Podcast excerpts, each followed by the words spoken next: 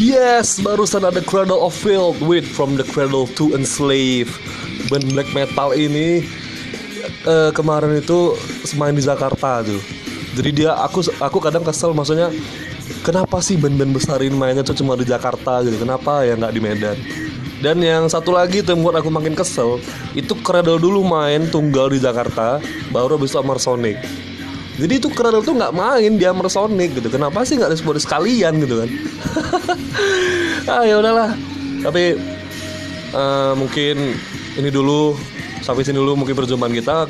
Aku bakalan balik minggu depan di Hell Rock juga. Mudah-mudahan kalian bisa terus mendengarin podcast aku di sini. Tetap aja cari aja di searching Hell Rock pasti bakal ketemu. Oke satu single terakhir miliknya Drum Corps with Down.